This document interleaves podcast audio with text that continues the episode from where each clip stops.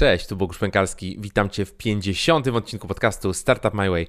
Dziś moim gościem jest Sławek Czajkowski. Sławek jest founderem i CEO aplikacji Surfer.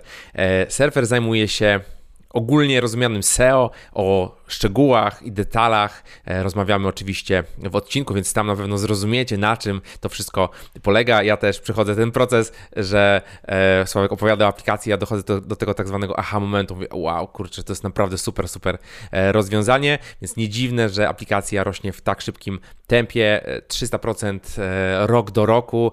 Rozmawiamy w odcinku o tym, jak w ogóle to się zaczęło, skąd pomysł, jak e, na początku powstała jedna firma, agencja, e, która potem przekształciła się e, w produkt, z której jakby wykluł się w ogóle surfer.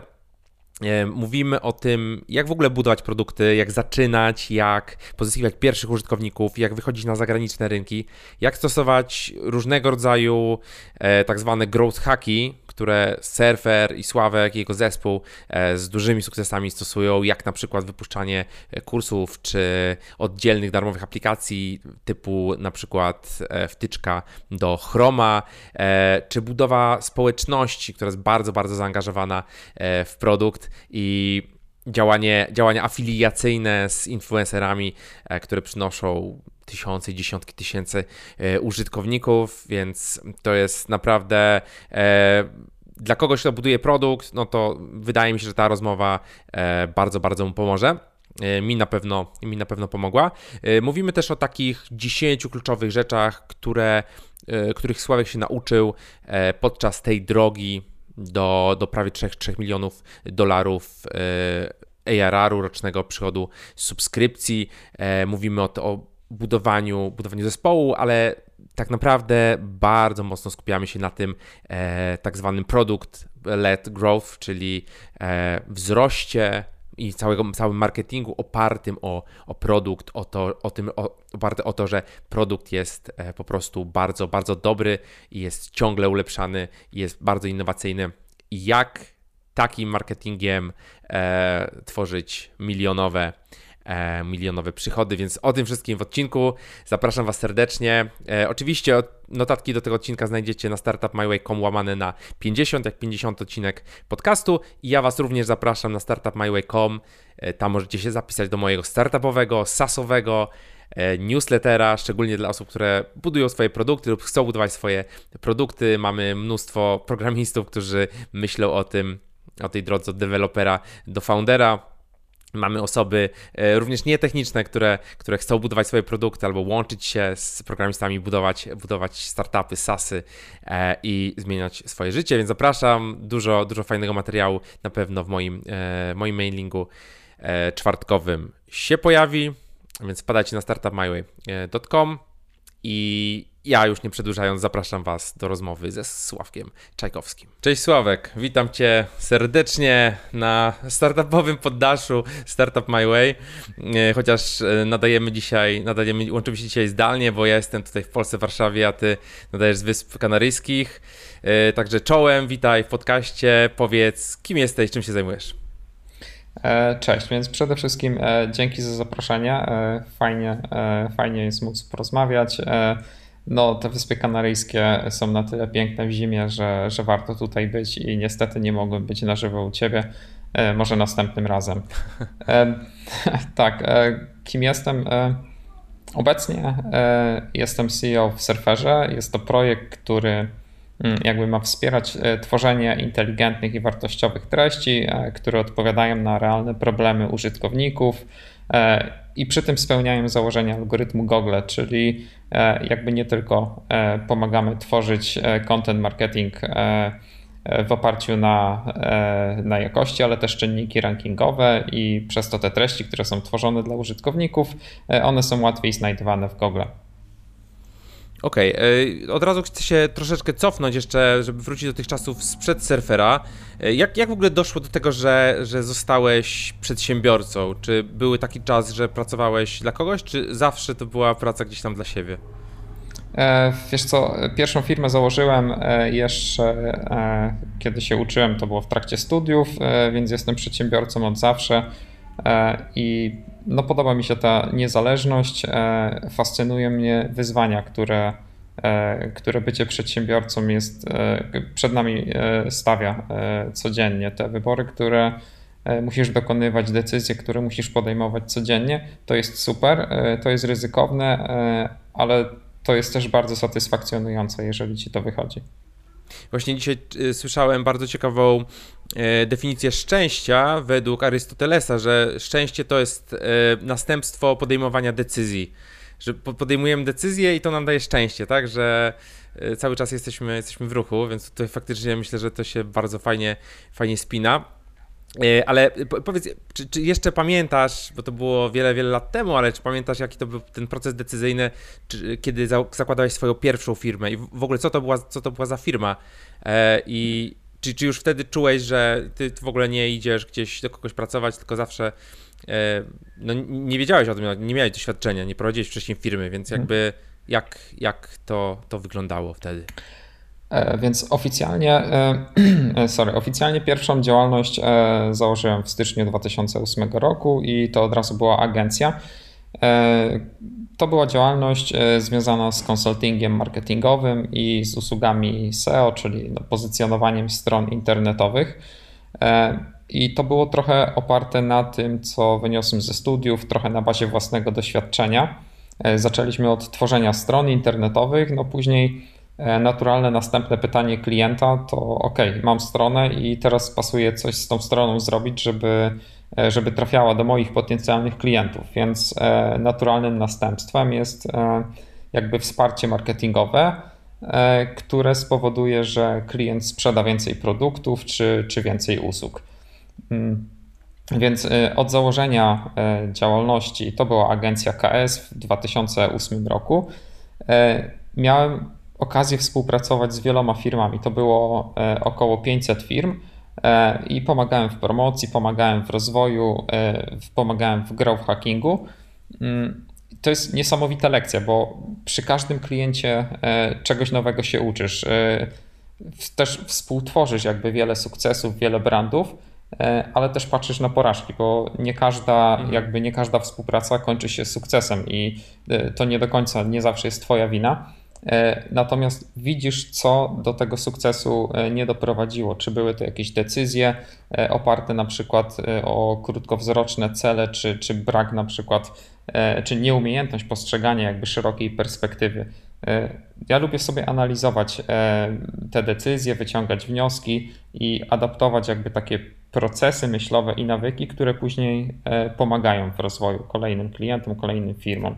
E, no i, i tak zacząłem i, i tak budowałem sobie swoje doświadczenie, jeżeli chodzi o bycie przedsiębiorcą, bycie liderem. E, mówisz, że zaczęliście od, od stron internetowych. Czy te, te strony po prostu budowałeś, czy na, nauczyłeś się HTML-a, CSS-a i tak dalej i zacząłeś budować strony dla klientów? Tak to wyglądało?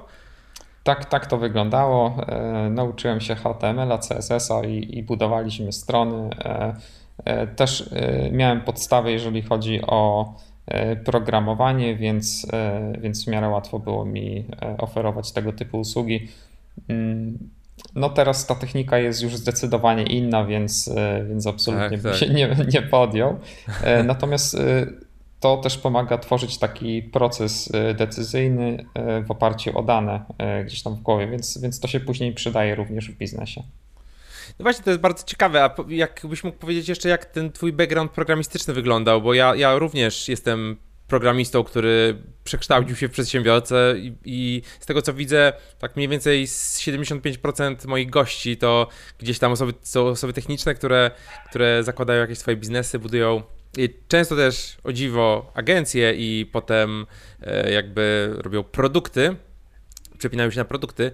Jak ten background programistyczny, to, to wynikało z jakiegoś hobby twojego, czy jak to, mhm. jak, jak, to, jak to wyglądało?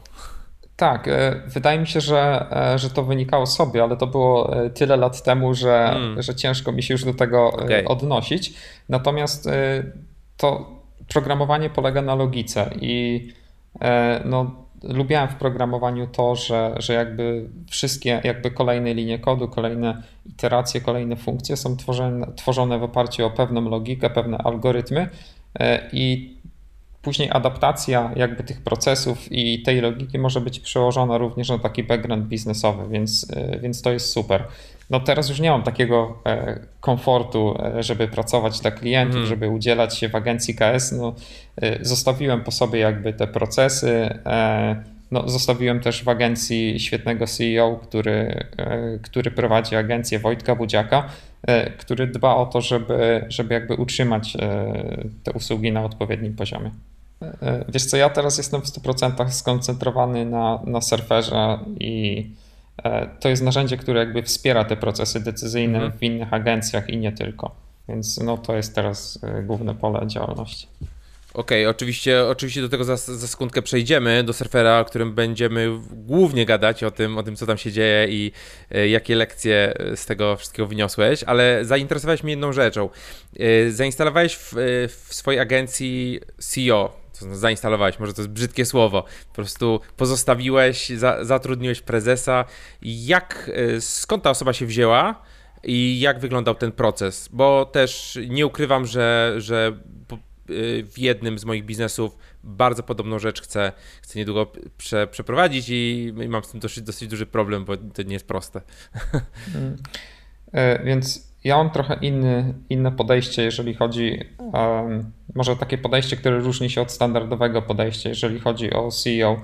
E, przede wszystkim na początku staram się zaangażować i stworzyć takie środowisko, w którym osiąganie sukcesu jest prostsze, bo jeżeli stworzysz środowisko e, i zostawisz po sobie pewne procesy, które definiują to środowisko, e, to wtedy łatwiej znaleźć kogoś, kto wie, czego się od niego oczekuje. E, więc e, wchodzę do, do firmy, w której e, te procesy są ustawiane i jest tworzone to środowisko, następnie ta osoba, która wspólnie z nami buduje te procesy i środowisko, zostaje tym CEO. Natomiast no, ja zostawiam udziały w tej firmie, więc, więc dla mnie jest to jakby własność. Znaczy, sorry, dla mnie jest to powiedzmy, jestem udziałowcem, natomiast nie angażuję się później e, i staram się nie przeszkadzać, jeżeli te procesy są już e, na tyle stabilne, że nie muszę. A nie myślałeś o sprzedaży tego biznesu? To znaczy, żeby totalnie e, się od tego odciąć. No bo wiadomo, że jeżeli jesteśmy udziałowcami i firma działa, to jednak zawsze gdzieś z tyłu głowy te procesy jakieś myślowe u nas, u nas działają, żeby, czy, czy, czy nie myślałeś, żeby się od, od tego gdzieś po prostu odseparować, no a sprzedaż jest takim startem na nowo. Mm. Z jednej strony tak, ale z drugiej strony, jeżeli patrzymy na takie portfolio biznesowe szerzej, to e, udziały w, e, w jednej z najlepszych agencji SEO wspierają Twoje pozostałe biznesy. Niezależnie na jakim polu działasz, to wiesz, że możesz się zwrócić do tej agencji i ta agencja dostarczy Ci marketing na takim poziomie, który pociągnie pozostałe. E, więc to jest aset, e, który jakby nie rozważałem, okay. jeżeli, chodzi, e, jeżeli chodzi o sprzedaż. No i druga sprawa też, mm, to jest aset, który ma bardzo zdrowe jakby finanse, bo każdy projekt, w który się angażuje, no jest, jest bootstrapowym projektem. Mhm. Tam nie ma żadnego VC, nie ma żadnego dyrektora finansowego E, i każdy z tych projektów e, no, musi być profitable, e, czyli no, musi przynosić zyski i doprowadzamy do takiej sytuacji, że te spółki są dywidendowe.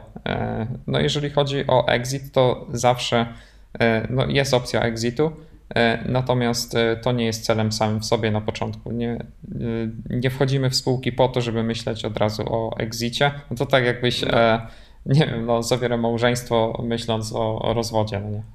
No nie, no nie, nie, nie, nie możemy tak mówić, nie? No bo jednak to jest, to jest co innego i, i często dużo mądrych osób mówi, że zbuduj firmę i pomyśl o tym, co jest twoim celem, nie? Że zbuduj swoje sobie exit strategy, bo jeżeli faktycznie już od początku zbierasz duże finansowanie e, i chcesz bardzo szybko rosnąć, no to gdzieś musisz, e, wiesz, albo ten exit będzie formą sprzedaży do większego podmiotu, albo to będzie wejść na giełdę, tak? Ten, ten tak, taki klasyczny model, model startupowy, e, więc, więc wydaje mi się, że mo można myśleć o tym, o tym exicie.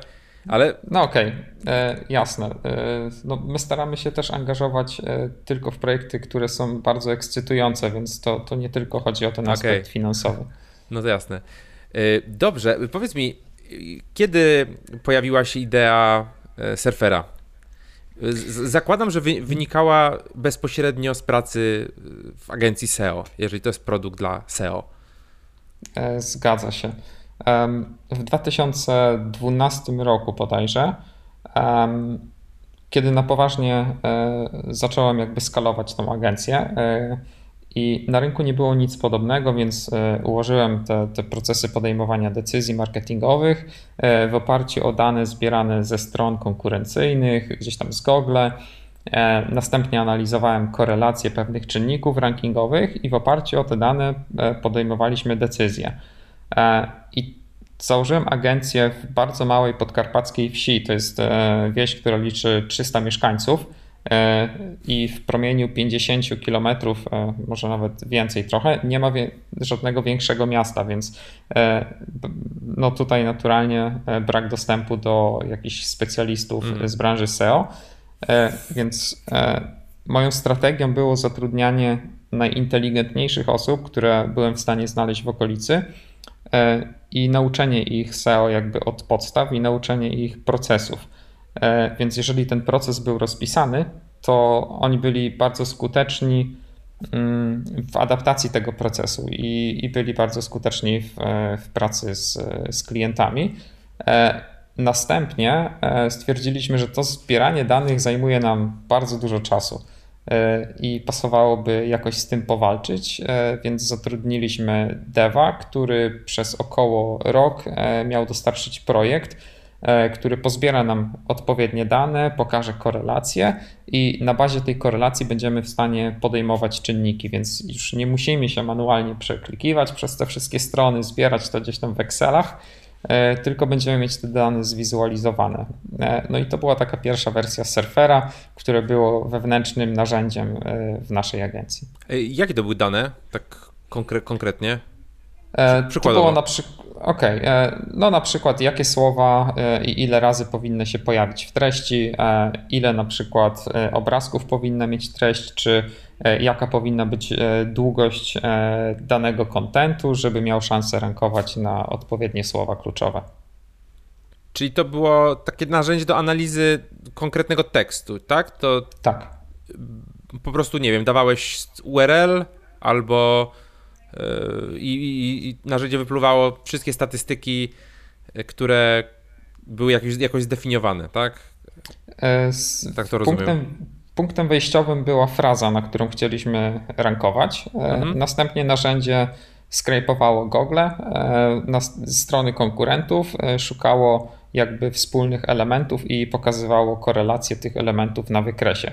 I te elementy, które korelowały, czyli pozycja versus występowanie elementu, te elementy uznawaliśmy za kluczowe dla danego słowa kluczowego mm, i okay. staraliśmy się wdrażać w optymalizację naszych klientów. Okej, okay, czyli to był taki trochę reverse engineering e, stron w porównaniu do tego, jak rankują w Google. Dokładnie. To, to ba, ba, bardzo, bardzo sprytne, faktycznie bardzo sprytne. E, czyli budowa, zbudowaliście sobie internal toola. E, dobra, to jeszcze teraz tak chciałbym przeskoczyć zupełnie, zupełnie do dzisiejszego dnia. Nie? Jak dzisiaj surfer wygląda? Zaraz będziemy mówić o tym, jak, jak była, jaka była jego historia. Jak dzisiaj to wygląda pod kątem e, przychodowym, ile tam macie ludzi w zespole, e, jak, jaki czern, wiesz. Okej, okay, e, więc jeżeli chodzi o. E, no, zacznijmy od finansów, bo, bo to jest pewnie najciekawsze. E, więc rośniemy około 300% rocznie. E, I w tym momencie ten miesięczny przychód jest na poziomie około 1 100 tysięcy złotych. Staramy się być cały czas, jakby utrzymywać ten bilans dodatni. Staramy się przeznaczać mnóstwo środków na, na inwestycje w produkt, bo, bo to po prostu jest no, naszą największą siłą. Naszą Jasne. największą siłą jest, jest produkt i jego skuteczność. E, więc e, poszerzamy zespół. Głównie to jest zespół deweloperów i współpracujemy e, no, ze świetnymi deweloperami. Myślę, że jednymi z najlepszych w Polsce. Jeżeli chodzi o churn, to ciężko zdefiniować, bo żeby zdefiniować churn, trzeba zrozumieć, jak działa surfer. Jeżeli definiujemy churn w skali miesięcznej, to ten churn jest większy, natomiast jeżeli w skali rocznej, to on będzie mniejszy, ze względu na to, że część klientów jakby przychodzi do nas po analizę, robi tą analizę i później na bazie tej analizy może sobie pracować przez 3 miesiące, więc oni wracają do nas za 3 miesiące. I teraz rozpatrując y, w skali miesiąca, no to oni zczernowali, natomiast mm -hmm, w skali roku oni dalej są z nami. E, więc e, ciężko by mi się było podeprzeć e, jakby konkretnymi danymi, no wyciągając średnią to jest jakieś 5%, mm, jeżeli chodzi o churn. Jeżeli chodzi o zespół, e, w tym momencie mamy około 30 osób. E, no a jeżeli chodzi o klientów, e, to w zasadzie to jest cały świat, e, głównie to są Stany Zjednoczone. Okej, okay. jaki to jest procent, jeżeli chodzi o Stany Zjednoczone? To jest więcej niż 50%? Tak, zdecydowanie więcej. Okej, okay, okej. Okay. Dobrze, zaraz porozmawiamy też o waszej, waszej strategii, jak to, się, jak to się robi, żeby mieć ponad 50% klientów ze Stanów, ale e, wróćmy, wrócimy do, do tej idei. Czyli zbudowaliście tula bezpośrednio dla siebie i zaczęliście korzystać po prostu dla swoich klientów pewnie, tak? Klienci tak. przychodzili, korzystaliście ze swojego rozwiązania i w którym momencie stwierdziliście, że może warto zmienić biz, ten biznes model, żeby to narzędzie wypuścić jakby szerzej w formie e, modelu, modelu SaaSowego? E, więc na początku e, jeżeli budujesz produkt, e, no, trudno jest oszacować, czy istnieje tak naprawdę ten produkt market fit mhm. E, i, i, czy to jest jakby tylko w naszych głowach, e, czy, czy faktycznie rynek potrzebuje takiego rozwiązania. Jeżeli rynek nie jest gotowy, no to, to też możesz wejść z czymś za wcześnie lub za późno. I stwierdziliśmy, że przetestujemy, czy, czy to ma szansę. I Pomysłem na walidację naszego pomysłu było podzielenie się tym toolem z kilkoma agencjami z Polski i z kilkoma e, ekspertami SEO, którzy dostali e, darmowy dostęp do, do naszej mhm. wersji beta. I po tych testach e, no, wpuściliśmy do bety kilka osób z zagranicy i później się zaczęło. No, ta liczba użytkowników, ta liczba użytkowników stale rosła. Były setki później tysiące. E, no i wiedzieliśmy, że ok, no trzeba, trzeba coś z tym zrobić, mm, bo jeżeli my teraz tego nie zrobimy, to, to ktoś weźmie ten pomysł i zrobi to za nas, e, no a my będziemy takim prekursorem czegoś, co, co później fajnie wypaliło i będziemy żałować, mm że mhm. nie spróbowaliśmy. A te setki e, tysiące osób to byli jeszcze darmowi użytkownicy bety, tak? tak? A okej. Okay. Tak, no takim przełomowym wydarzeniem, gdzie sporo nowych użytkowników się pojawiło i sporo, e, sporo uwagi, e, to było sam KRK w 2017 roku e, na jesieni. Mieliśmy okazję wystąpić z prezentacją i pokazać, jak działa surfer, pokazać, jakie czynniki liczymy, jak ten reverse engineering wygląda w surferze, no i zaprosić ludzi do takiej już otwartej bety. E, no wtedy, wtedy ten e, przyrost użytkowników, e, no to by można powiedzieć porównać do, do tej zasady kuli śniegowej, że, że coraz więcej, coraz więcej. No i się pojawiły też requesty na dodatkowe funkcjonalności. Pojawiły się requesty osób, które, które gdzieś tam twierdziły, że ok, chcemy za to zapłacić, dajcie nam to, dajcie nam to. Więc słuchaliśmy użytkowników i próbowaliśmy usprawniać ich procesy. I w momencie, kiedy wypuszczaliście tą betę, jaka tam była funkcjonalność? W sensie, e, jak to wygląda? Użytkownik logował się do, e, do aplikacji, zakładał konto i co, i co tam się działo w środku? E, więc przede wszystkim, jeżeli chcesz na początku no, konkurować z wielkimi tulami, no bo, bo też był przesyt tych tuli na rynku, mieliśmy mocną konkurencję, jeżeli chodzi o tule SEO, y, ważne, żeby znaleźć taką niszę, która jest nieatrakcyjna dla dużych brandów. Y, I naszym targetem był y, rynek ekspertów SEO, którzy lubią sobie popracować z danymi, z liczbami, z wykresami mm. i którzy umieją te wykresy, więc, więc to nie jest taki SEO newbie czy, czy SEO beginner. Mm, następnie po tym jak early adopters, czyli ci pierwsi użytkownicy zaczęli korzystać z narzędzia, no rozwijaliśmy funkcjonalności o kolejne grupy docelowe i tą pierwszą funkcjonalność, o którą pytasz, to były właśnie liczby, wykresy, E, i, i surowe dane, czyli powiedzmy dane wyciągnięte e, z bazy 500 czy 600 czynników rankingowych, które, które analizowaliśmy. Przedstawialiśmy je na wykresie, przedstawialiśmy też e, korelacje na bazie korelacji Pearsona. I dzięki temu ci ludzie mogli podejmować decyzje właśnie w oparciu o dane i adoptować w swoje procesy. E, więc no, mieliśmy pozytywny odbiór i na szczęście ten rynek był na tyle duży, że to nam pozwoliło e, rozwijać e, projekt, no, może trochę dokładać własnych środków, ale rozwijać projekt do takiego momentu, że, że bardzo szybko zaczęliśmy to skalować, później o te kolejne grupy, o kolejne funkcjonalności, które już są zdecydowanie E, łatwiejsze do zrozumienia i, i, do użycia dla osób, które może są mniej zaawansowane, czy, czy nie lubią pracować e, z takimi surowymi danymi. A jak w ogóle komunikowaliście się z tymi pierwszymi klientami? Jak ta komunikacja wyglądała i jak, e, jakich słów używaliście? To znaczy, nie wiem, cześć Przemek, pisaliście prywatną wiadomość, zrobiliśmy takiego tula, może, może spróbujesz? Jak to, jak, jak, jak coś takiego wyglądało u Was? E, tak, no, e, przez e, udział w różnego rodzaju konferencjach, bo pierwsi użytkownicy to byli użytkownicy z Polski, więc no, użyliśmy po prostu swojej siatki do, do tego, żeby zaprosić zaprzyjaźnionych seowców, więc no, to, powiedzmy ta bariera była zdecydowanie niższa. Mhm. Natomiast później rozwijaliśmy tą siatkę i no, pojawiali się też influencerzy z zagranicy, którym również e, tłumaczyliśmy, na czym polega surfer. Umawialiśmy się na kole i, e, i na kolach przedstawialiśmy ten nasz proces, bo, bo też trzeba pamiętać, że no, buduje się tula w oparciu o procesy, a nie, nie o feature'y. No i, tak, i tak to gdzieś tam zaczęło działać.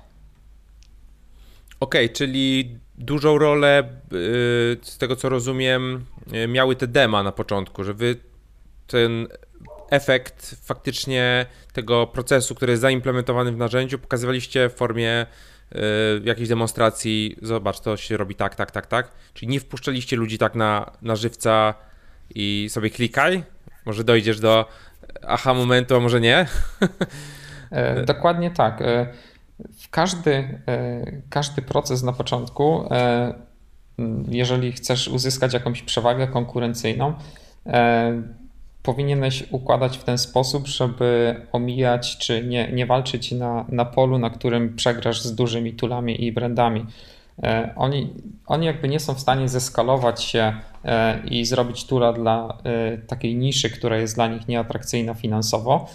Nie są w stanie też robić marketingu, który nie jest w stanie się skalować. Więc jeżeli, jeżeli my mieliśmy tylko trochę czasu, no umawialiśmy kole, umawialiśmy jak najwięcej tych koli codziennie, żeby pokazywać surfera jak największej ilości użytkowników, bo, bo wiedzieliśmy, że e, nasza konkurencja, która jest zdecydowanie większa, nie są w stanie zatrudniać kolejnych ludzi i poświęcać każdemu mm. klientowi powiedzmy godzinę czy, czy dwie godziny na zrobienie takiego personalnego onboardingu.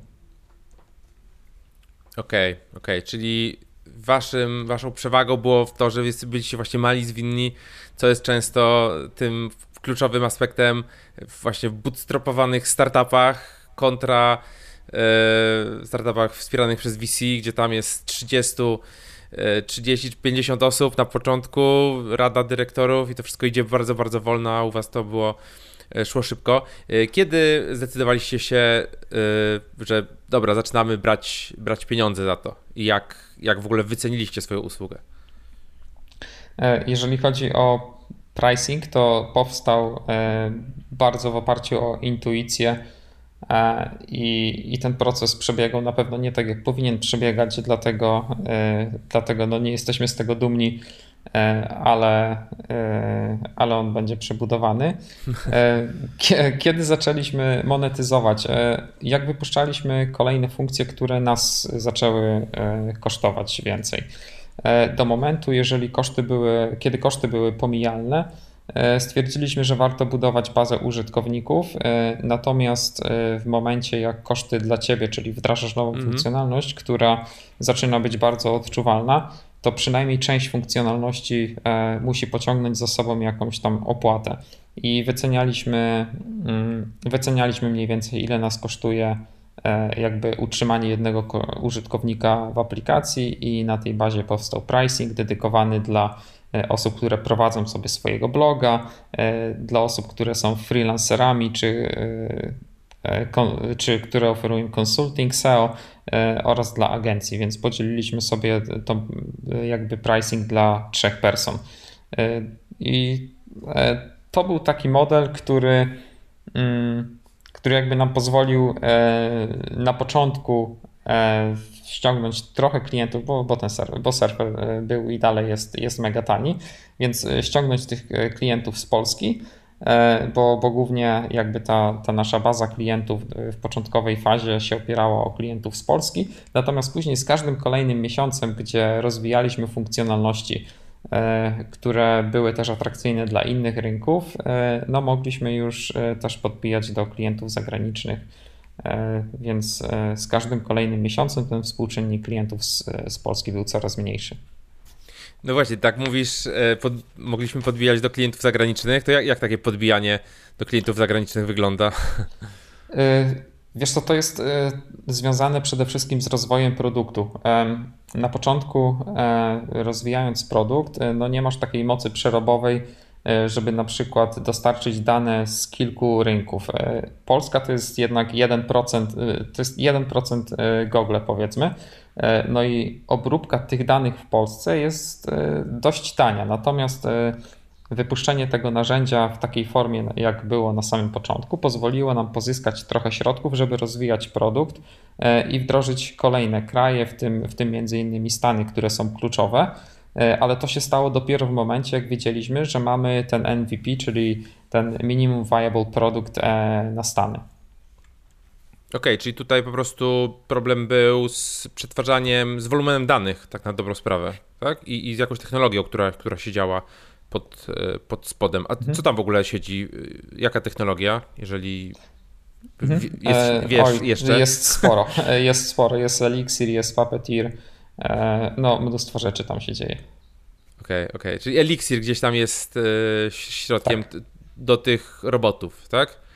A nie, nie, zakładam, że mieliście pewnie jakieś problemy techniczne związane z tym scrapingiem danych. Czy, czy, czy nie, czy może wszystko szło, szło gładko, ale zawsze to jest temat, który, który jest dosyć. E, mhm. często twórcy są blokowani w, przez różne platformy. E, jak to? Czy mieliście jakieś z tym ciekawsze historie? E, to znaczy, na, wiesz co, na początku, na początku robiliśmy to sami, e, ale jeżeli, e, jeżeli sam skrypujesz, to zawsze, jeżeli cokolwiek się zmienia, mm, to przestaje ci działać aplikacja i im więcej użytkowników e, jest na aplikacji, no to tym bardziej to boli. Chociaż na początku, jeżeli to jest beta, e, użytkownicy wybaczają takie błędy, że, że jest gdzieś tam chwilowy downtime. E, natomiast jeżeli już pobierasz za to pieniądze, no to nie można sobie pozwolić, żeby aplikacja nie działała. Dlatego stwierdziliśmy, że warto skorzystać z gotowych rozwiązań czy dostawców, którzy zapewnią nam e, jakby działanie tego scrapingu mm. i podzieliliśmy scraping w ten sposób, że jest kilku dostawców e, i w momencie, jeżeli odpytujemy jednego i, i coś tam nie działa, no to, to mamy jakby kolejkę e, jakby dostawców, którzy nam są w stanie dostarczyć real-time dane. Więc pomijamy, pomijamy jakby ten problem używając zewnętrzne aplikacje. Tak zwany fallback, tak? Nawet popularne jest też, że aplikacje, które wysyłają, czy dostawcy maili transakcyjnych, też, też się robi. Kilku dostawców, jak ten nagle ma mhm. jakiś downtime, to wysyłamy te maile transakcyjne od innego dostawcy. E, fajnie, fajnie. A możesz podać jakąś nazwę tych partnerów, z którymi robicie ten, ten scraping? Jeżeli ktoś gdzieś chciałby robić mhm. podobne, podobne rozwiązania i w ogóle z jakimi kosztami trzeba się E, liczyć, jeżeli chodzi o taki, taką, takie mhm, partnerstwo? Wiesz co, na przykład Data for SEO czy SERPWOW to myślę, że dwa takie najpopularniejsze. Jest mnóstwo innych, ale, ale, ale te dwa no, są najbardziej znane i w miarę stabilne. Jeżeli chodzi o koszty, to ciężko mi powiedzieć. No, są koszty na stronie, natomiast okay. przy naszym wolumenie to są jakby innego typu koszty ze względu na hmm. to, że, że my mamy te umowy negocjowane indywidualnie. No tak, bo tego jest po prostu bardzo, bardzo, bardzo dużo. No ale jak jesteście na poziomie miliona złotych miesięcznie, to, to pewnie te koszty są pomijalne e, już, już, już na ten moment. E, okej, okay, e, mówisz, że dużo bardzo podkreślasz to, że robicie ten tak zwany product-led growth, tak? Czyli ten produkt napędza, napędza wzrost. Czyli im produkt jest lepszy, mhm. tym, tym wzrost jest większy. Jak, jak komunikujecie? Po pierwsze, jak wybieracie, co będzie ulepszone w produkcie, albo co będzie wprowadzone w produkcie i jak komunikujecie to, żeby faktycznie nowi ludzie przychodzili, e, bo jest coś nowego? E, więc przede wszystkim, jeżeli chodzi o produkt, no bo to pytanie to jest jakby, e, to jest, to jest jakby dwa wątki. Tak. Jeżeli, chodzi o, jeżeli chodzi o produkt, mamy systematyczne kole, na których, na których omawiamy sobie różne pomysły na rozwój feature'u i zawsze sobie definiujemy jakby apetyt na dane ulepszenie e, konkretnego procesu i budujemy kolejne feature'y w oparciu e, o taką kalkulację, jak bardzo one wpłyną na proces e, naszego użytkownika. Bo można sobie budować kolejne tysiąc feature'ów, które nie są ze sobą związane i nie wspierają tego samego procesu. E, no ale to jest jakby droga donikąd, bo każdy z tych tysiąca feature'ów będzie miał lepszy odpowiednik na rynku. Natomiast jeżeli każdy kolejny feature wspiera ten sam proces, to, to będziesz najlepszym e, toolem we wsparciu właśnie danego procesu. I, I takie mamy podejście, żeby e, budować kolejne feature'y, ale w oparciu o te same procesy. Mm, I teraz jak podejmujemy decyzję, który, gdzie się skupiamy w tym momencie? To jest chłodna kalkulacja i, i to jest na zasadzie jakby takiej agitacji trochę. Mm -hmm każdy członek e, naszego teamu może przedstawić swój pomysł na ulepszenie jakiegoś feature'a, e, opisać go e, i to jest i taki kształt, powiedzmy, czyli taki shape danego pomysłu trafia bezpośrednio do, do osób decyzyjnych. Też każdy może porozmawiać z tą osobą decyzyjną, że słuchaj, no wydaje mi się, że to jest mega i to, to nam przyniesie taki i taki taki taki zysk, czy, czy to nam pozwoli e, tak bardzo ulepszyć gdzieś tam ten kanał pozyskiwania klientów, to nam pozwoli ulepszyć produkt. E, no i wtedy wiemy mniej więcej, jaki będzie spodziewany efekt. Jesteśmy w stanie sobie określić środki, które możemy zużyć na, na dany feature. Jeżeli się mieścimy, no to, to wtedy jest wielce prawdopodobne, że to zostanie zrobione. Natomiast jeżeli okazuje się, że e, zasoby e, byłyby zbyt duże to i w tym momencie nieoptymalnie byłoby wykorzystywać na dany feature, no to wtedy to trafia gdzieś tam do, do backlogu, e, ewentualnie na późniejsze wdrożenie. A jak się przekłada właśnie to, że zbudowaliśmy nowy feature, zbudowa- ulepszyliśmy ten proces i jak teraz to komunikujecie użytkownikom i jak to się przekłada na tych nowych użytkowników, którzy przychodzą, o, bo coś jest nowego?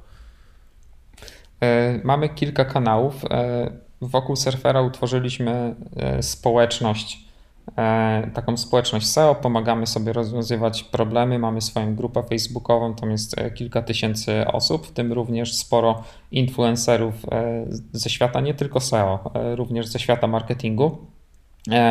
Więc oni nam pomagają trochę e, w promowaniu tych ulepszeń, które wdrażamy. Mhm. E, warto dodać, że, że też sporo jakby naszych klientów e, przychodzi do nas poprzez marketing afiliacyjny. I to jest coś, co nam pozwoliło na początku bardzo szybko pozyskiwać klientów i pokazać surfera przed na przykład no, grupą 10 czy 50 tysięcy osób E, gdzie, gdzie mogliśmy użyć e, kanału danego afilianta. E, myślę, że przy takim podejściu bootstrapowym ten marketing afiliacyjny jest, jest bardzo fajny, no ale też trzeba mieć dobry produkt i dotrzeć do, do tego odpowiedniego afilianta, więc, więc potrzebny jest też, też research i, i trochę wytrwałości. Czyli to pewnie byli e, jacyś e, influencerzy, czy ludzie, którzy mają duże społeczności w tym konkretnym, e, w tym regionie SEO, tak? Czy, czy ekspertów SEO? Mm, nie tylko SEO. Jakby no, copywriting można, mhm. można powiedzieć, że to jest element SEO, ale nie do końca SEO, bo, bo to, jest, to jest jakby tworzenie treści, to jest content marketing. Więc mamy afiliantów i osoby, które są znane zarówno w środowisku SEO, jak i w takim E, szeroko pojętym marketingu. Okej, okay, to, jakbyś mógł podać taką krótką instrukcję, jak to, do takiej osoby uderzyć i co jej powiedzieć, żeby ona powiedziała: OK, dobra, super, to ja będę promowała wasz produkt, pokażę go z całej swojej społeczności. No, na początku trzeba mieć super produkt i coś, co jeszcze nie istnieje. E, trzeba też wybadać, czy dany influencer nie współpracuje z Twoją e, bezpośrednią mm. konkurencją, jeżeli masz tych konkurentów, a później szukać e, bezpośredniego kontaktu, bo napisanie maila do influencera zazwyczaj kończy się niczym, ale przez siatkę kontaktów możesz docierać jakby do kolejnych osób. Czyli no, na pewno znasz kogoś, kto zna kogoś i, i po prostu poprosić o E, o, o przedstawienie i, i wtedy, wtedy to działa, bo, bo wtedy ta, ta osoba, która jest influencerem, ma świadomość, że rozmawia z prawdziwą osobą, że ten e-mail, który został wysłany, e, był, nie, nie był jakiś tam wygenerowany przez bota, tylko, tylko faktycznie był spersonalizowany i poszedł do niej. Okej, okay, czyli rozbudowujemy swoją, swój network i prosimy o intro do kolejnych osób, od osób, które już znamy i które jakoś tam mhm. nas E, już e, szanują w jakiś, w jakiś konkretny sposób.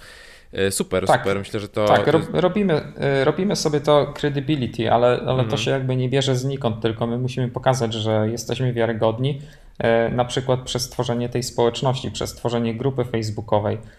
Jeżeli na grupie facebookowej publikujemy informacje czy publikujemy artykuły, które dają odpowiednią wartość w danej branży, E, no to naturalnie e, ta grupa przyciąga kolejne osoby i ta siatka nam jakby rośnie samoczynnie i przez to, że jest, e, jest jakby więcej osób na grupie, to wystarczy zapytać na grupie, czy, czy ktoś nie zna kogoś i te osoby same się zgłaszają później, żeby, żeby nawiązać współpracę.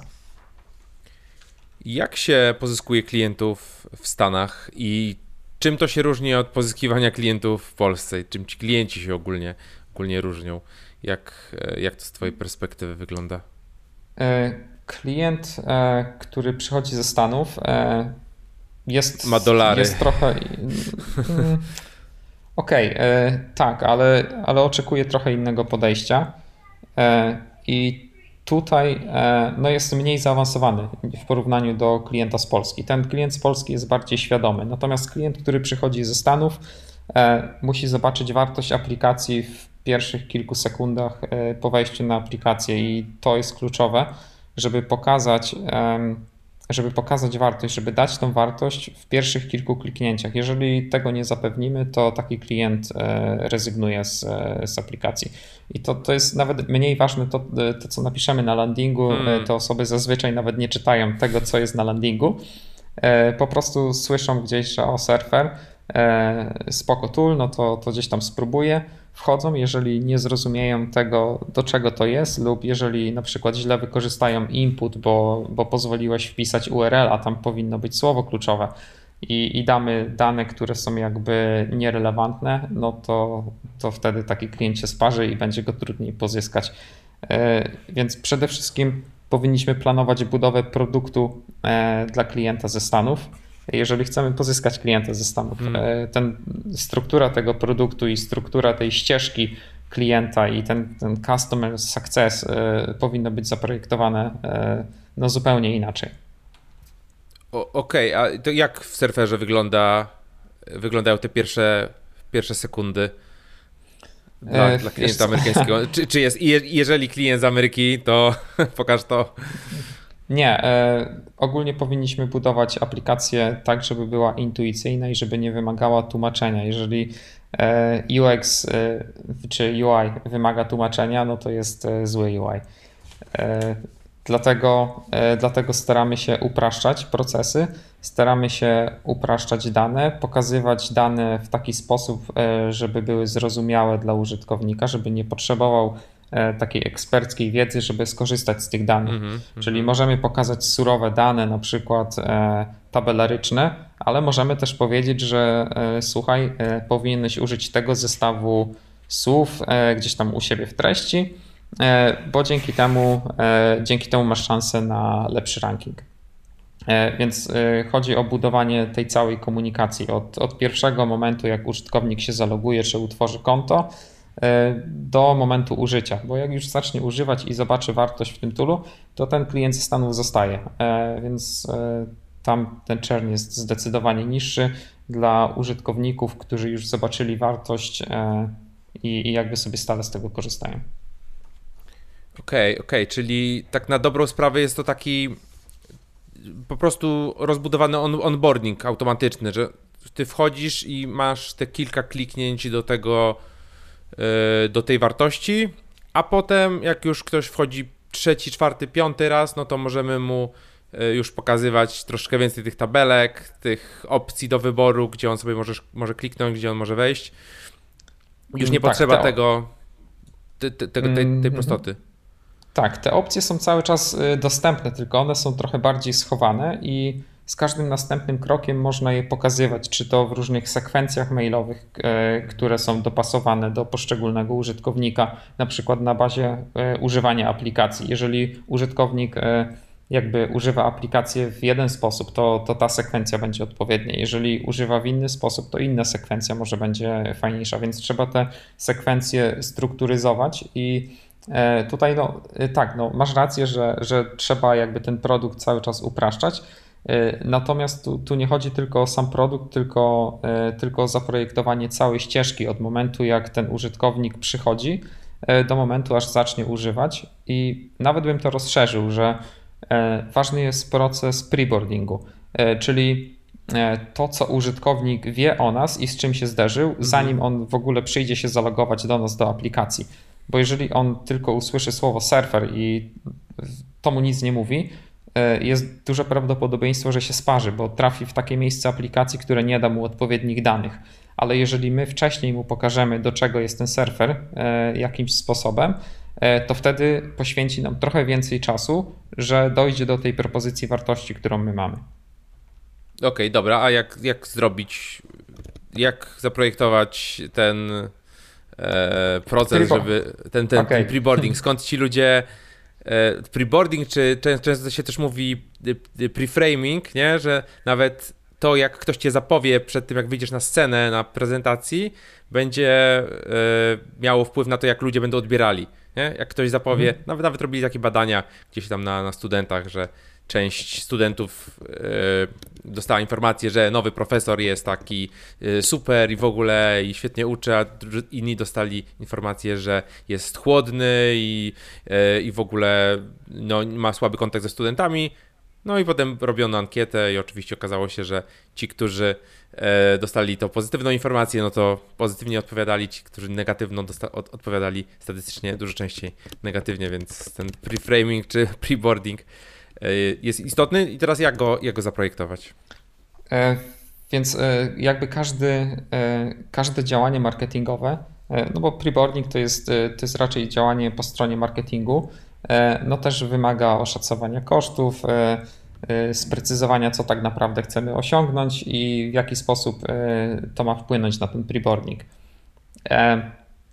Więc u nas e, robiliśmy jakby osobny preboarding dla klientów e, ze Stanów i osobny dla klientów z Polski. E, no i może o tym, o tym, który jest kluczowy dla klientów ze Stanów, wypuściliśmy taką wtyczkę, czyli zastosowaliśmy Engineering as Marketing, inżynieria produktowa, mm -hmm. która, która ma się przekładać na marketing. Mm, stwierdziliśmy, że wypuścimy darmowego toola, rozszerzenie do Chroma które będzie dawało użytkownikom jakieś dane, które są dla nich zrozumiałe, czyli ilość na przykład wyszukiwań danego słowa w Google. Jeżeli korzystasz z Google, to nasza wtyczka ci mówi, e, ile osób e, miesięcznie wyszukuje tego słowa, pokazuje ci pewne dane. I już w tej wtyczce możesz sobie te dane ocenić. E, no, oczywiście tam mamy call to action, że możesz się zalogować do surfera. Przez to, że udostępniamy to za darmo, ludzie sobie instalują i wyciągają tą łatwą wartość dla nich do zrozumienia, czyli ile osób miesięcznie wpisuje to słowo. E, no i przy okazji widzą już pewne dane i uczą się tych danych. I jak są gotowe, to skorzystają z surfera, bo widzą już, że, że te dane tam są i wiedzą, że w surferze też te dane znajdą, tylko bardziej rozbudowane. Mhm. E, I po, w kilka miesięcy po wypuszczeniu tej wtyczki udało się nam pozyskać 300 tysięcy aktywnych instalacji w tym momencie. Myślę, że ponad 300 tysięcy. Wow. Zakładam, że robiliście jakiś launch na różnych platformach Typ, typu tak. Product Hunt? Tak, był, był launch na Product Huncie, ale głównie wykorzystaliśmy e, też e, te pozostałe kanały, czyli grupy facebookowe e, i, i tutaj też no, sporo takich znanych blogerów, afiliantów, więc szybko zbudowaliśmy szybko zbudowaliśmy tą bazę użytkowników i to stale rośnie, także myślę, że za, za dwa miesiące będziemy mieć około 400 tysięcy użytkowników na wtyczce. E, więc no, to jest jeden sposób, e, żeby, żeby korzystać z tego, e, żeby, żeby korzystać z tej inżynierii produktowej. Poza tym no, można robić preboarding poprzez edukację. I mm, na początku, jak wypuszczaliśmy surfera, surfera, stwierdziliśmy, że niewiele osób w środowisku SEO wie, jak współpracować z danymi, więc napiszemy książkę. E, i hmm. napisaliśmy książkę o tym, e, jak robić SEO. E, był to SEO Playbook. Sprzedaliśmy już jakby cały nakład, tam powiedzmy dwa nakłady wyszły, dwa nakłady sprzedaliśmy i uczyliśmy tej metodyki. Pokazywaliśmy, że warto gdzieś tam opierać swoje decyzje o dane, że, że to niekoniecznie jest intuicja czy przypuszczenia, czy, czy myślenie życzeniowe, tylko pozycjonowanie faktycznie opiera się na danych. I Również w tej książce były, były przykłady, jak wykorzystać surfera i jak usprawnić swoje procesy i jak zaadoptować to, to myślenie do, do swoich codziennych procesów e, SEO-owych. Mm, wypuściliśmy również e, SEO Masterclass. E, to jest taki kurs o pisaniu dla składający się z około 30 lekcji. To są lekcje na, na bazie filmów, plus jakieś dodatkowe materiały. E, I ten kurs też został pobrany przez, e, w ciągu pierwszych dwóch tygodni przez kilkanaście tysięcy użytkowników, i tam też uczymy tej metodyki e, pracy z danymi, o tym, jak korzystać z surfera. Oczywiście podajemy alternatywy, staramy się być obiektywni. Surfer jest no to, no, jedną z alternatyw, która, która jest wymieniona w, w tych dostępnych narzędziach na rynku. I dzięki temu, że te osoby już wiedzą, jak pracować z danymi, e, wchodząc później na surfera, one wiedzą, z czym, z czym to się je i są w stanie dać nam trochę więcej czasu. Czyli wykorzystaliście po prostu całą paletę e, rozwiązań takich typowo growth hackingowych, typu robimy kurs, robimy książkę, robimy darmową, darmową aplikację, która jest takim tym frontendowym naszym, naszą częścią i wszystko idzie potem do, e, sprowadza się do aplikacji. E, Okej, okay, a jak ten wzrost surfera wyglądał? On jakby był coraz, coraz szybszy? Które kanały przyniosły e, tak, tak naprawdę największą ilość klientów? Szczególnie w tych początkowych okresach, tak? E, w początkowym okresie to e, po prostu poczta pantoflowa. E, użytkownicy E, nie wiem, lubią się dzielić. To jest takie środowisko, SEOwcy lubią się dzielić danymi, lubią się dzielić nowymi toolami. My też wypuszczaliśmy jakieś case studies. I, i to, to nam przynosiło jakby organicznie nowych klientów. Nie inwestowaliśmy w ogóle, no nie mieliśmy na początku środków, które by pozwoliły inwestować w jakieś adsy czy, czy coś w tym stylu. E, więc e, wszystko, co osiągnęliśmy do poziomu powiedzmy około 200 tysięcy dolarów e, MRR-a, to, to zostało osiągnięte organicznie. Okej. Okay. Także no największy, jeżeli miałbym określić co, co najwięcej, no to po prostu aktywność w social media, współpraca z influencerami i marketing afiliacyjny. No i ruszanie tych kanałów growth hackowych. A od ile na, wasze najtańsze plany kosztują? I powiedz mi jeszcze, jak się rozkłada, ile jest tych klientów, którzy są na tych e, bardzo tanich, tań, tańszych planach, a ilu jest na tych droższych i, i najdroższych? Hmm, pricing jest bardzo płaski. Zaczyna się od 29 dolarów. E, następny plan to jest 59 dolarów. E, no i kolejny taki agencyjny 100 dolarów, więc to są takie trzy najpopularniejsze. Z tym, że jeżeli chodzi o rozkład, to nie jestem w stanie ci podać danych. Okay. Nie, mam, nie mam ich teraz przed sobą. Okej, okay, okej. Okay. Ale jakbyś e, tak, tak szacował, to raczej te średnie plany, czy, czy tak. raczej, raczej te średnie plany? Czyli no na ogół się tak, tak rozkłada, nie? że większość tak. E, klientów jest na, tym środkowym planie. Podobnie, podobnie jest u mnie. E, Okej, okay. chciałem Cię pod, podpytać o, e, o artykuł, który, który ostatnio napisałeś. E, składał się z dwóch, z dwóch części. W sumie to była też częściowo inspiracja, żeby Cię tutaj zaprosić, bo bardzo, bardzo, bardzo mi się spodobało formie tego właśnie tego wyciągnięcia pewnych lekcji z tej całej historii. No i oczywiście Wasze, wasze wyniki są, e, są, świetne i wydaje mi się, że macie ten już od jakiegoś czasu ten produkt market fit. Dzisiaj, dzisiaj czytałem, że musisz mieć milion dolarów rocznie subskrypcji i to jest mniej więcej i wzrost 100% rok do roku, że to jest dopiero produkt market fit. to takie dosyć duże, duże liczby. E, no ale wam, wam idzie dobrze. E, I wynotowałem te lekcje, które, e, które jakby wyciągnąłeś z tego i chciałem Cię po prostu podpytać troszkę o szczegóły, żebyś mógł opowiedzieć o każdej z tych lekcji. Więc Pierwsza lekcja to było produkt, always innovate, tak? Ciągle, ciągła innowacja. Co, co mhm. przez to rozumiesz?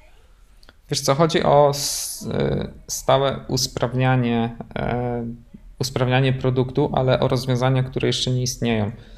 E, jeżeli, jeżeli zorientujesz swoje gdzieś tam działania produktowe w obszarze takich elementów, które już istnieją na rynku i nie dokładasz tego czegoś e, ekstra e, od siebie, e, to zazwyczaj przegrywasz tą walkę o klienta. E, warto natomiast proponować rozwiązania, które oszczędzają naszym klientom czas, które usprawniają procesy, czy które sprawiają, że na przykład decyzje podejmowane przez naszych klientów są lepsze i bardziej trafione w obszarze na przykład marketingu internetowego. Y, zakładam, że trzeba dosyć mocno badać y, to, co ci użytkownicy robią, nie? Że. Tak. Że, żeby znaleźć to miejsce do usprawnienia. Tak, i, i, to jest jakby ta kolejna lekcja, czyli yy, yy, zawsze, zawsze trzeba mierzyć to, co może być zmierzone. Więc tak, badamy, co użytkownicy robią, ale też często rozmawiamy z użytkownikami i pytamy, co moglibyśmy, co moglibyśmy usprawnić. Mm, I to, co ciekawe, to użytkownicy wychodzą od problemów, i ja zawsze lubię sobie szukać tych, e, tych problemów, i nie po to, żeby się skupiać na problemach, tylko wiem, że jeżeli jest zdefiniowany problem, to my zdefiniujemy rozwiązanie, i często to rozwiązanie jest e, lepsze niż, e, niż użytkownicy oczekują, bo, bo użytkownicy oczekują rozwiązania problemu, a nie wdrożenia konkretnego E, konkretnego feature'a czy usprawnienia, natomiast często ten request od użytkownika jest e, właśnie w obszarze tego feature'u. E, więc za tym, za requestem zawsze kryje się problem, który trzeba zdiagnozować i, i to jest bardzo istotne. Czyli tutaj jak chodzi o, chodzi o to, że użytkownik chce szybszego konia, a wy mu dajecie samochód, tak? W tym momencie, tak? Użytkownik ma problem, chce jechać szybciej, tak. szybciej się poruszać, ale nie wie, że E, potrzebna jest ta innowacja, e, która, którą właśnie twórca, tak. twórca produktu e, może dostarczyć. OK, dobra, czyli w sumie załatwiliśmy punkt szósty, czyli measure what can and should be measured. Mamy, mamy to mierzenie. Na jakich poziomach mierzycie to? Czy to są jakieś zewnętrzne tule, typu, nie wiem, Mixpanel, czy, czy macie jakieś swoje narzędzia, czy jakieś Jak, kombinacja. Jak jest to kombinacja mhm, narzędzi. Jest, jest Mixpanel, jest Amplitude, jest HubSpot, więc jest mnóstwo tego, mnóstwo narzędzi dostępnych na rynku. E, testowaliśmy też e, no, bardzo dużo narzędzi, nie wszystkie spełniają oczekiwania e, i, i, często też jest tak, że jedno narzędzie nie załatwia wszystkiego, więc, więc potrzeba kombinacji i trzeba być otwartym na próbowanie nowych rozwiązań. Super. Napisałeś jedną z lekcji Don't strive for perfection, but, but deliver, czyli nie silmy się na, na perfekcjonizm, dowoźmy, tak? Dostarczajmy naszą, nasz produkt. Tak. E, w obszarze produktu, e, szczególnie jeżeli nie, wiem, nie, nie dostarczasz produktu dotyczącego nie wiem, e, płatności kartami kredytowymi czy coś w tym stylu, możesz sobie pozwolić na to, żeby on był nieperfekcyjny, jeżeli, jeżeli on dowozi wartość. Mhm. Mm, I często jest tak, że startupy boją się jakby pchać ten produkt, boją się release'ów ze względu na to, że ten produkt nie jest jeszcze, nie jest jeszcze gotowy i często wpadają w taką pułapkę, że jeszcze jeden feature i wtedy, wtedy gdzieś tam wypuszczamy ten, mm -hmm. wypuszczamy produkt. Tak. Jeszcze jeden feature wypuszczamy, zamiast walidować ten produkt od razu.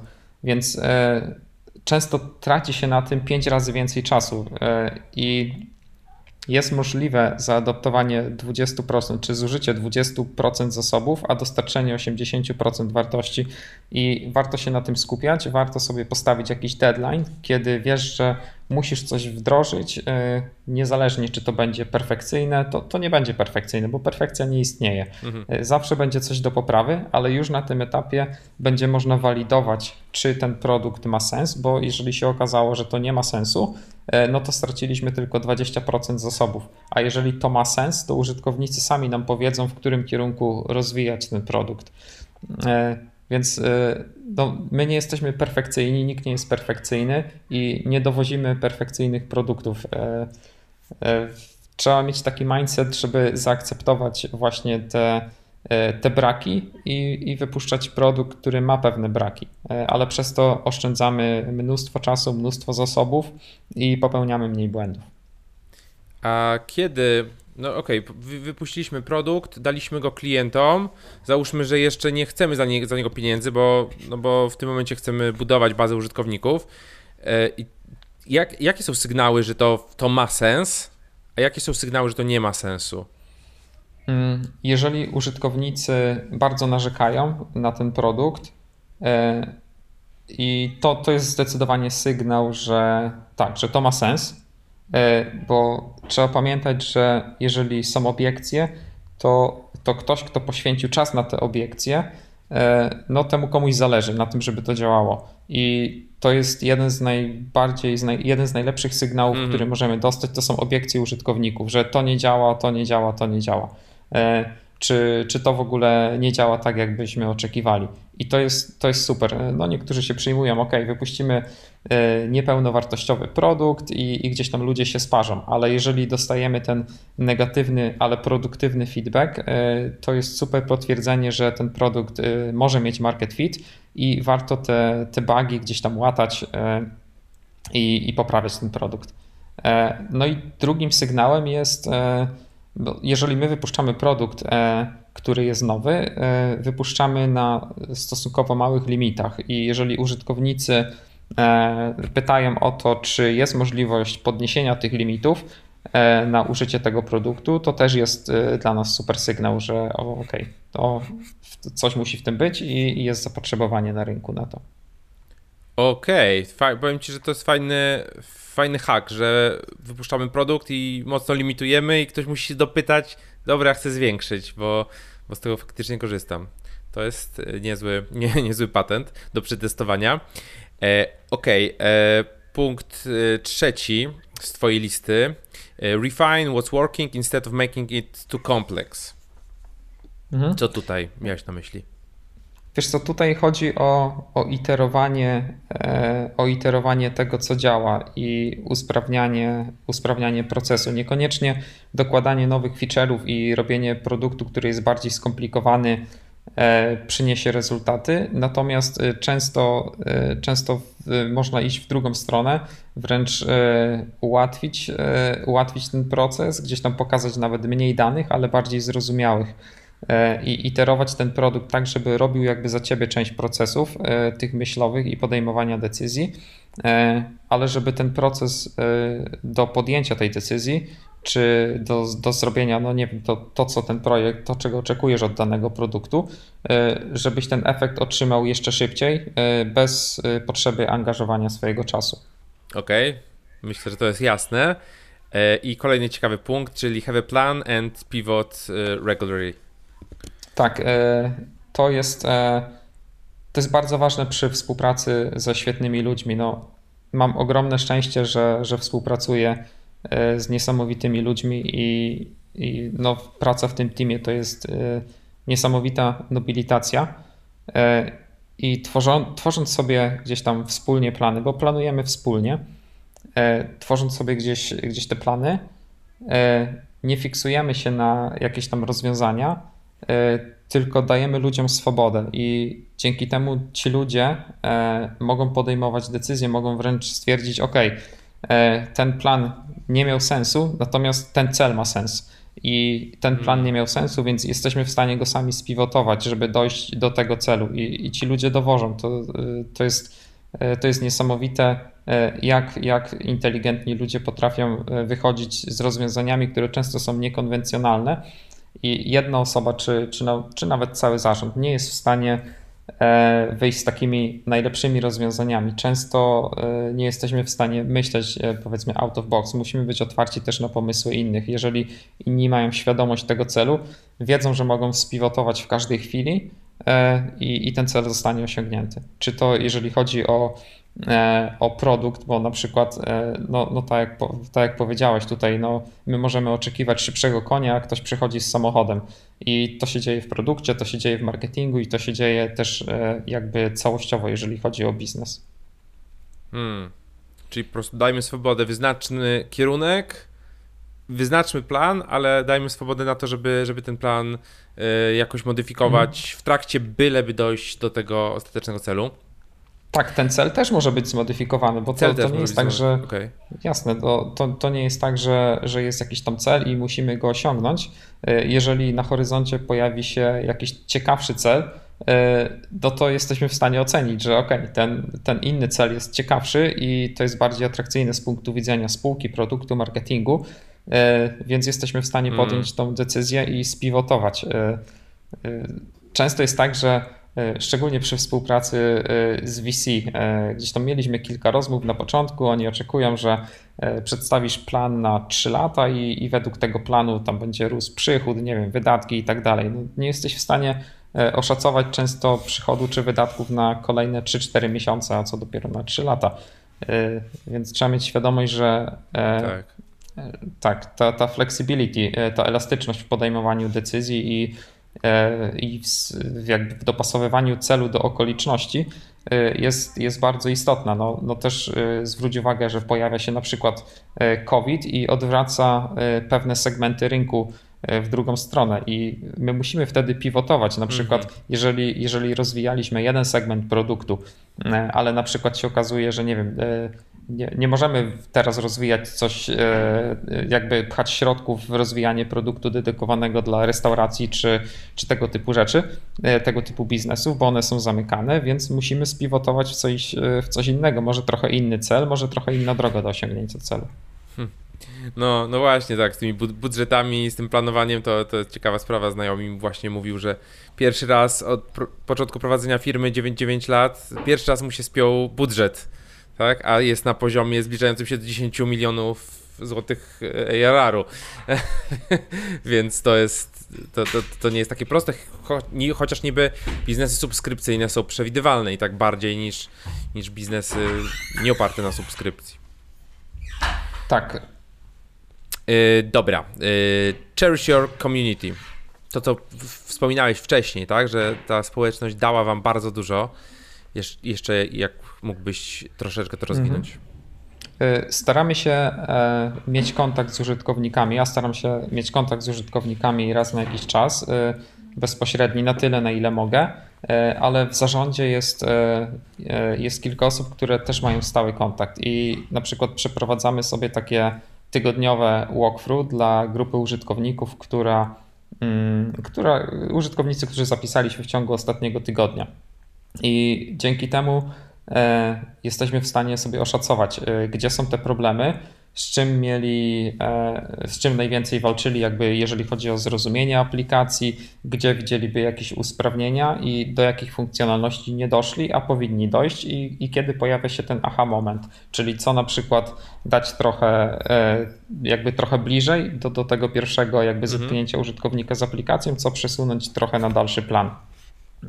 Więc e, to jest mega istotne w budowaniu tego produktu, od którego użytkownicy się nie odbijają i nie pivotują.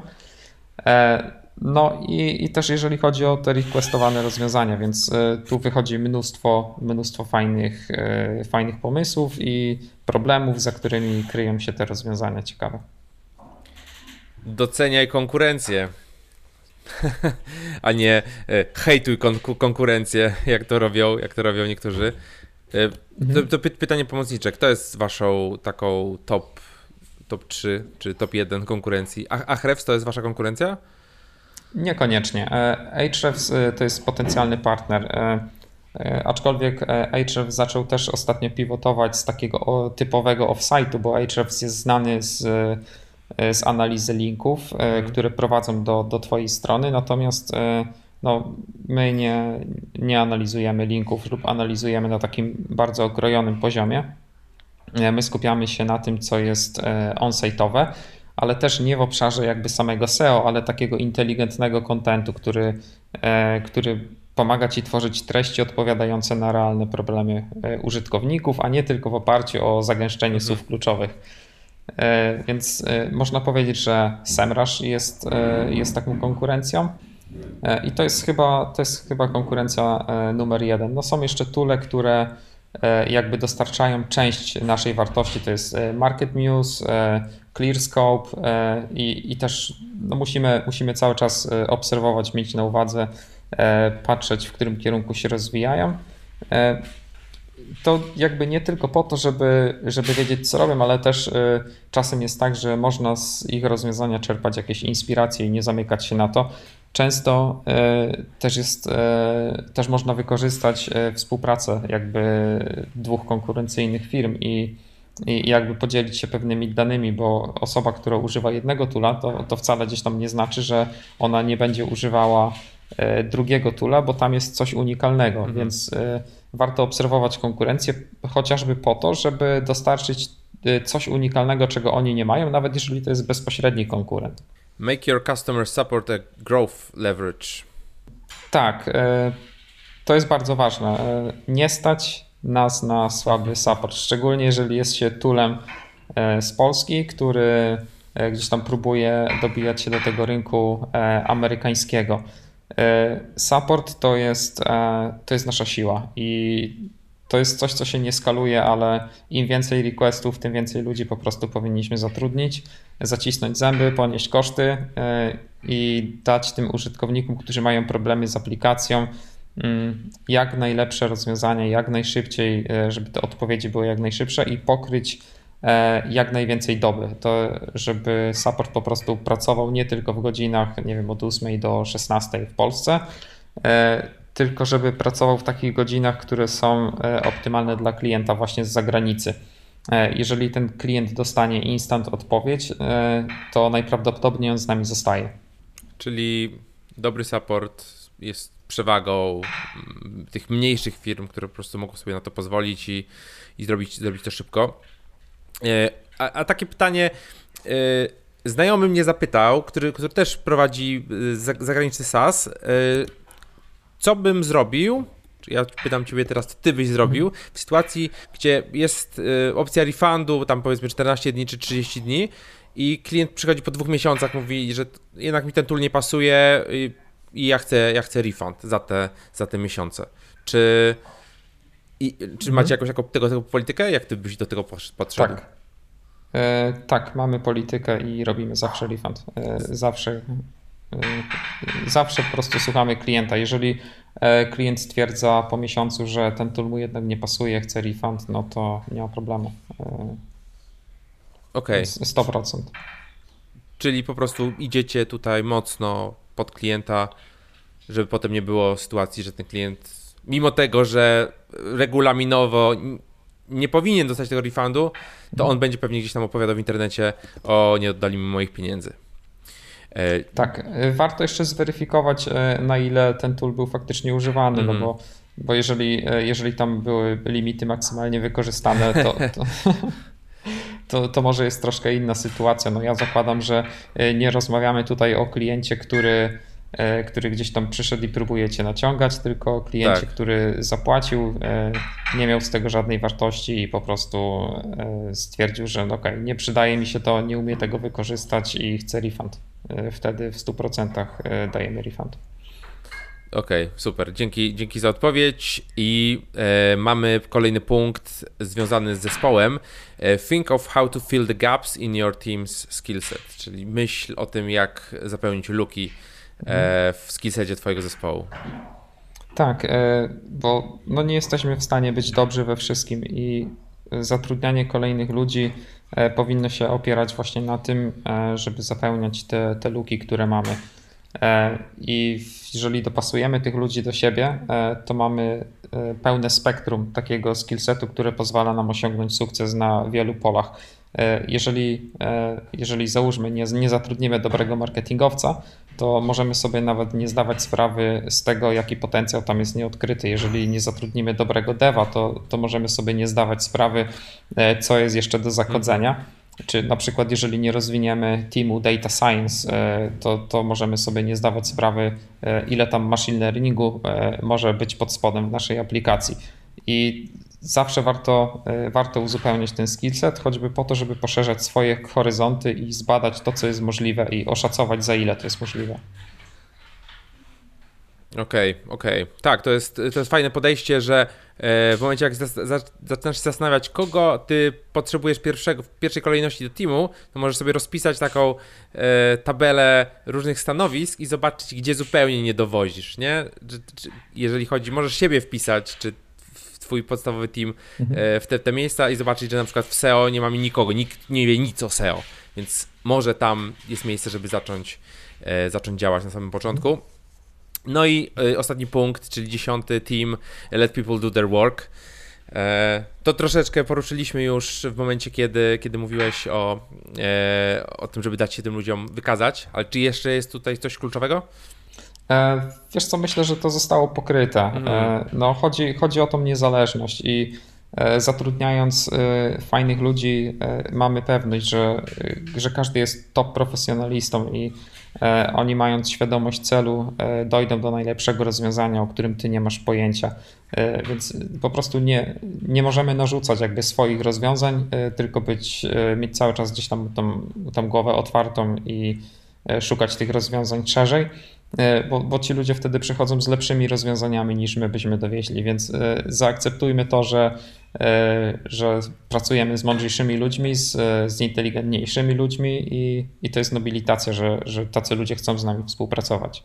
Hmm, tylko skąd takich ludzi brać i jak to właśnie zweryfikować, że oni są tymi A-players, nie? To jest taki, tak, taki problem. Zakładam, że macie hmm. pewnie jakieś swoje, swoje sposoby.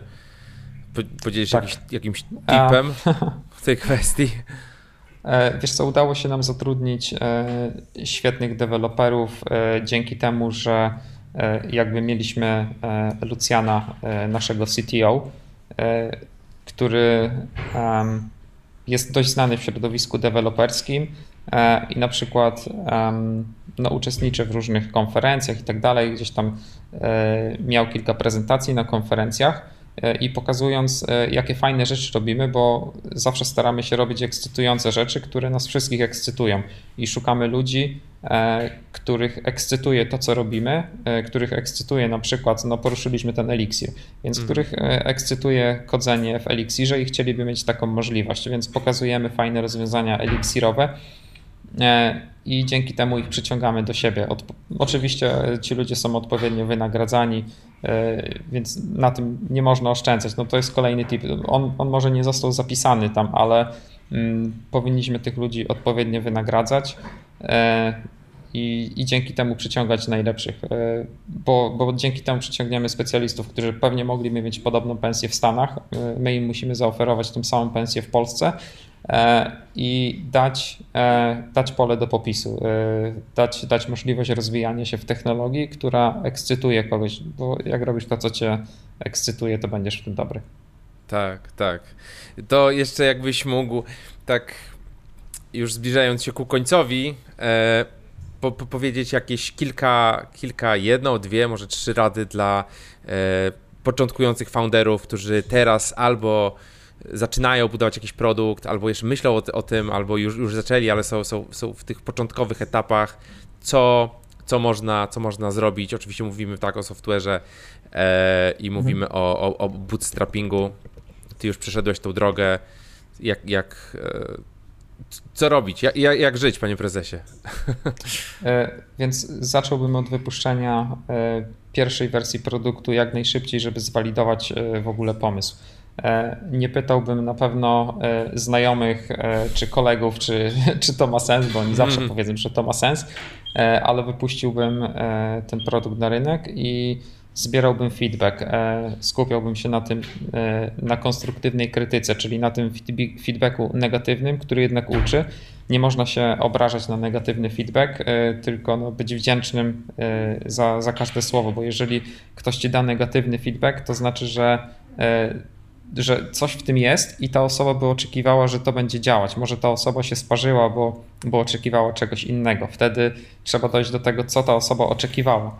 E, więc no, no to jest proces, który, który pozwala ci dopasować ten e, mm, minimum viable produkt, e, tą propozycję wartości, która jest niezbędna do tego, żeby, żeby ten produkt zaczął pozyskiwać pierwszych jakby użytkowników, a, a później można ich konwertować, konwertować na klientów.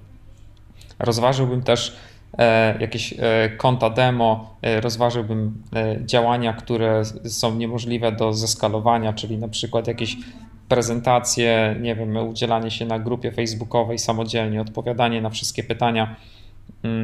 Teraz trochę przechodzimy jakby przez ten proces z projektami, w które inwestujemy, bo jesteśmy już na takim etapie, gdzie możemy wspierać jakby pewne inicjatywy. Mhm E, I to jest niesamowite, e, że tworzymy to środowisko w ten sposób i to zazwyczaj działa, więc, e, więc no, no to jest super. Użytkownicy, czyli jakby twoi potencjalni klienci, no oni oczekują, że ten produkt, że ten produkt będzie działał i oni są bardzo chętni. Jeżeli wpuścimy tych użytkowników, umówimy się na rozmowę, wyciągniemy z tych rozmów bardzo dużo, no to jest złoto. Okej, okay, super, super. Myślę, że to są świetne, świetne rady dla początkujących founderów. Ja teraz też jestem z nowym produktem właśnie w, tym, w, tym, w tej fazie e, tych early adopterów, których tam też jest prywatna grupa dla tych early adopterów, oni sami sobie gadają, co tam jeszcze można ulepszyć, e, sami klikają w, klikają w ten produkt, e, więc, więc faktycznie to działa. E, Sławku, powiedz mi, czy poleciłbyś nam jakieś książki, jakieś materiały, podcasty, coś, co pomogłoby nam jeszcze lepiej budować produkty? Mm, jasne. Wiesz co, staram się czytać mnóstwo książek, powiedzmy pomiędzy 50 a 100 książek rocznie, to, wow. to zależy od, od objętości. Zawsze warto sobie zarezerwować godzinę, dwie godziny dziennie na edukację, bo e, z każdej książki, nawet jeżeli wyciągniemy e, jedno, dwa zdania, e, które nam pozwolą później usprawdzić, usprawnić nasze procesy, czy poukładać pewne rzeczy w głowie, no to to jest później niesamowite przełożenie na skuteczność produktu. Hmm to, co bym polecił, to wiesz co, rzadko spotkałem się w ogóle z taką książką, e, że jak czytałem tą książkę, to czułem się, jakbym ją sam napisał. E, I e, często, często gdzieś tam miałem tak, że no, czytam i, i po prostu się śmiałem z tego, że okej, okay, no, ktoś to wyciągnął z mojej głowy, tylko ułożył to w proces i przeniósł na papier. I to jest książka Rework, napisana przez założycieli Basecampa. Więc e, to jest pierwsza pozycja, od której bym zaczął. Nie wiem, czy jest polska wersja. E, jest polska wersja, jest polska okay. wersja, jest czytana przeze mnie e, kilkukrotnie. E, bo też jest to krótka pozycja, w sumie napisana Tak. troszkę jak zbiór blog postów, więc czyta się bardzo, bardzo łatwo e, i można wynieść, wynieść dużo wiedzy. Mm, Poza tym e, Jim Collins napisał kilka świetnych książek i zacząłbym od książki Good to Great. Później od tej pozycji przeszedłbym do Build to Last, no a później Great by Choice. Więc w takiej sekwencji bym to zrobił. I poleciłbym też Deep Work. E, Deep Work jest, e, jest bardzo ważny, też warto sobie zarezerwować e, trochę czasu na deep work codziennie, no przynajmniej kilka razy w tygodniu, bo wtedy i w takim najbardziej efektywnym czasie dla nas, kiedy jesteśmy najbardziej efektywni, czujemy, że ok, rano na przykład pomiędzy 9 a 12 najlepiej mi się myśli, więc Mhm. totalnie czyścimy kalendarz pomiędzy tymi godzinami i skupiamy się wtedy na, na deep worku, na najtrudniejszych zadaniach. Mm, Często jest tak, że 90% e, decyzji biznesowych, które podejmujemy, większość ludzi podjęłaby tak samo. I pamiętajmy, że te 10% robi później różnicę, czy, czy osiągamy sukces, czy nie osiągamy tego sukcesu. E, Dlatego te najtrudniejsze decyzje podejmujmy w czasie właśnie deep worku. Może skupmy się, się na tej decyzji e, wtedy, kiedy jesteśmy w takim stanie, który nam e, sprzyja podejmowaniu e, dobrych decyzji, ale też trudnych decyzji. Tak, ja też widzę ogro, ogromne, szczególnie dzisiaj, gdzie jesteśmy zalewani komunikatami ze wszystkich stron. E, po prostu w momencie, jak ja przyjdę rano do biura i jak zacznę od włączenia maila i komunikatora, to okazuje się, że e, otwiera się wielka dziura bez dna i już generalnie się ciężko, ciężko skupić na czymkolwiek innym, nawet jeżeli się to skończy, tak, to potem nawet w głowie myśli krążą, a tu mogłem tak odpisać, tu muszę tak odpisać i tak dalej, i tak dalej. Ten deep work jest, jest ważny. Yy, I polecamy naszym słuchaczom te pozycje. Oczywiście wszystko znajdziecie, wszystkie linki znajdziecie w notatkach do tego odcinka. E, Sławku, gdzie cię można znaleźć w sieci? W sieci, jeżeli ktoś chciałby gdzieś jeszcze z tobą pogadać, jakiś, jakiś network, network zbudować, bo jak mówiliśmy, jest to, jest to Mhm. istotne, gdzie do ciebie uderzać? E, Przez LinkedIna to jest chyba, e, to jest chyba najwygodniejsze. Ewentualnie można pisać do mnie bezpośrednio na sławekmałpa.surferseo.com E, i też staram się e, sprawdzać maila e, dość często i odpisywać e, tak szybko jak mogę. No, często może nie jest to instant, ale staram się odpisać na każdego maila. Super. Dziękuję serdecznie za fascynującą rozmowę i mam nadzieję jeszcze się gdzieś na slot połączy, czy ja będę korzystał z twojego produktu, czy ty z mojego, czy spotkamy się gdzieś na konferencji, czy, czy u mnie tutaj na startupowym poddaszu na, na dogrywkę za jakiś czas, jak już będziecie 10 razy więksi. Także Jasne. dzięki ci serdecznie za rozmowę i do usłyszenia. Również dziękuję, trzymaj się, do usłyszenia. No i to już wszystko w tym odcinku. Myślę, że taka potężna dawka wiedzy, szczególnie produktowej, yy, bardzo wam, bardzo wam pomoże. Myślę, że mi na pewno otworzyła oczy na kilka, kilka kluczowych, kilka kluczowych kwestii. Szczególnie na przykład ten trik z e, limitowaniem, e, limitowaniem w naszym MVP pewnych, pewnych e, funkcji, pewnych parametrów naszej aplikacji i czekanie, czy ktoś przyjdzie i powie, a ja chcę dodać tego i tego więcej. To jest jeden z fajniejszych, fajniejszych takich, takich małych smaczków, ale myślę, że tych smaczków i takich bardzo konkretnych rzeczy w tym odcinku było, było dużo. Mam nadzieję, że to Wam się przydało. Jeżeli tak, to proszę o jakiś feedback, typu na przykład komentarz, jeżeli oglądasz to na YouTubie e, lub share gdzieś na przykład na Instagramie czy, czy w social mediach. Jeżeli nie oznaczysz, to ja bardzo chętnie się do tego odniosę. E, No i zapraszam bardzo mocno na e, mój czwartkowy newsletter ze startupowego poddasza, budowa produktów, innowacje, startupy, trendy. Ostatnio właśnie pisałem o trendach e, w 2021 w startupach, gdzie, w które części rynku warto wchodzić jeżeli myślicie o budowie swoich produktów, czy pierwszych, czy, czy kolejnych, więc na startupmyway.com znajdziecie, znajdziecie ten newsletter. I cóż, do zobaczenia i do usłyszenia w kolejnym odcinku. Wszystkiego dobrego, pozdrawiam, cześć.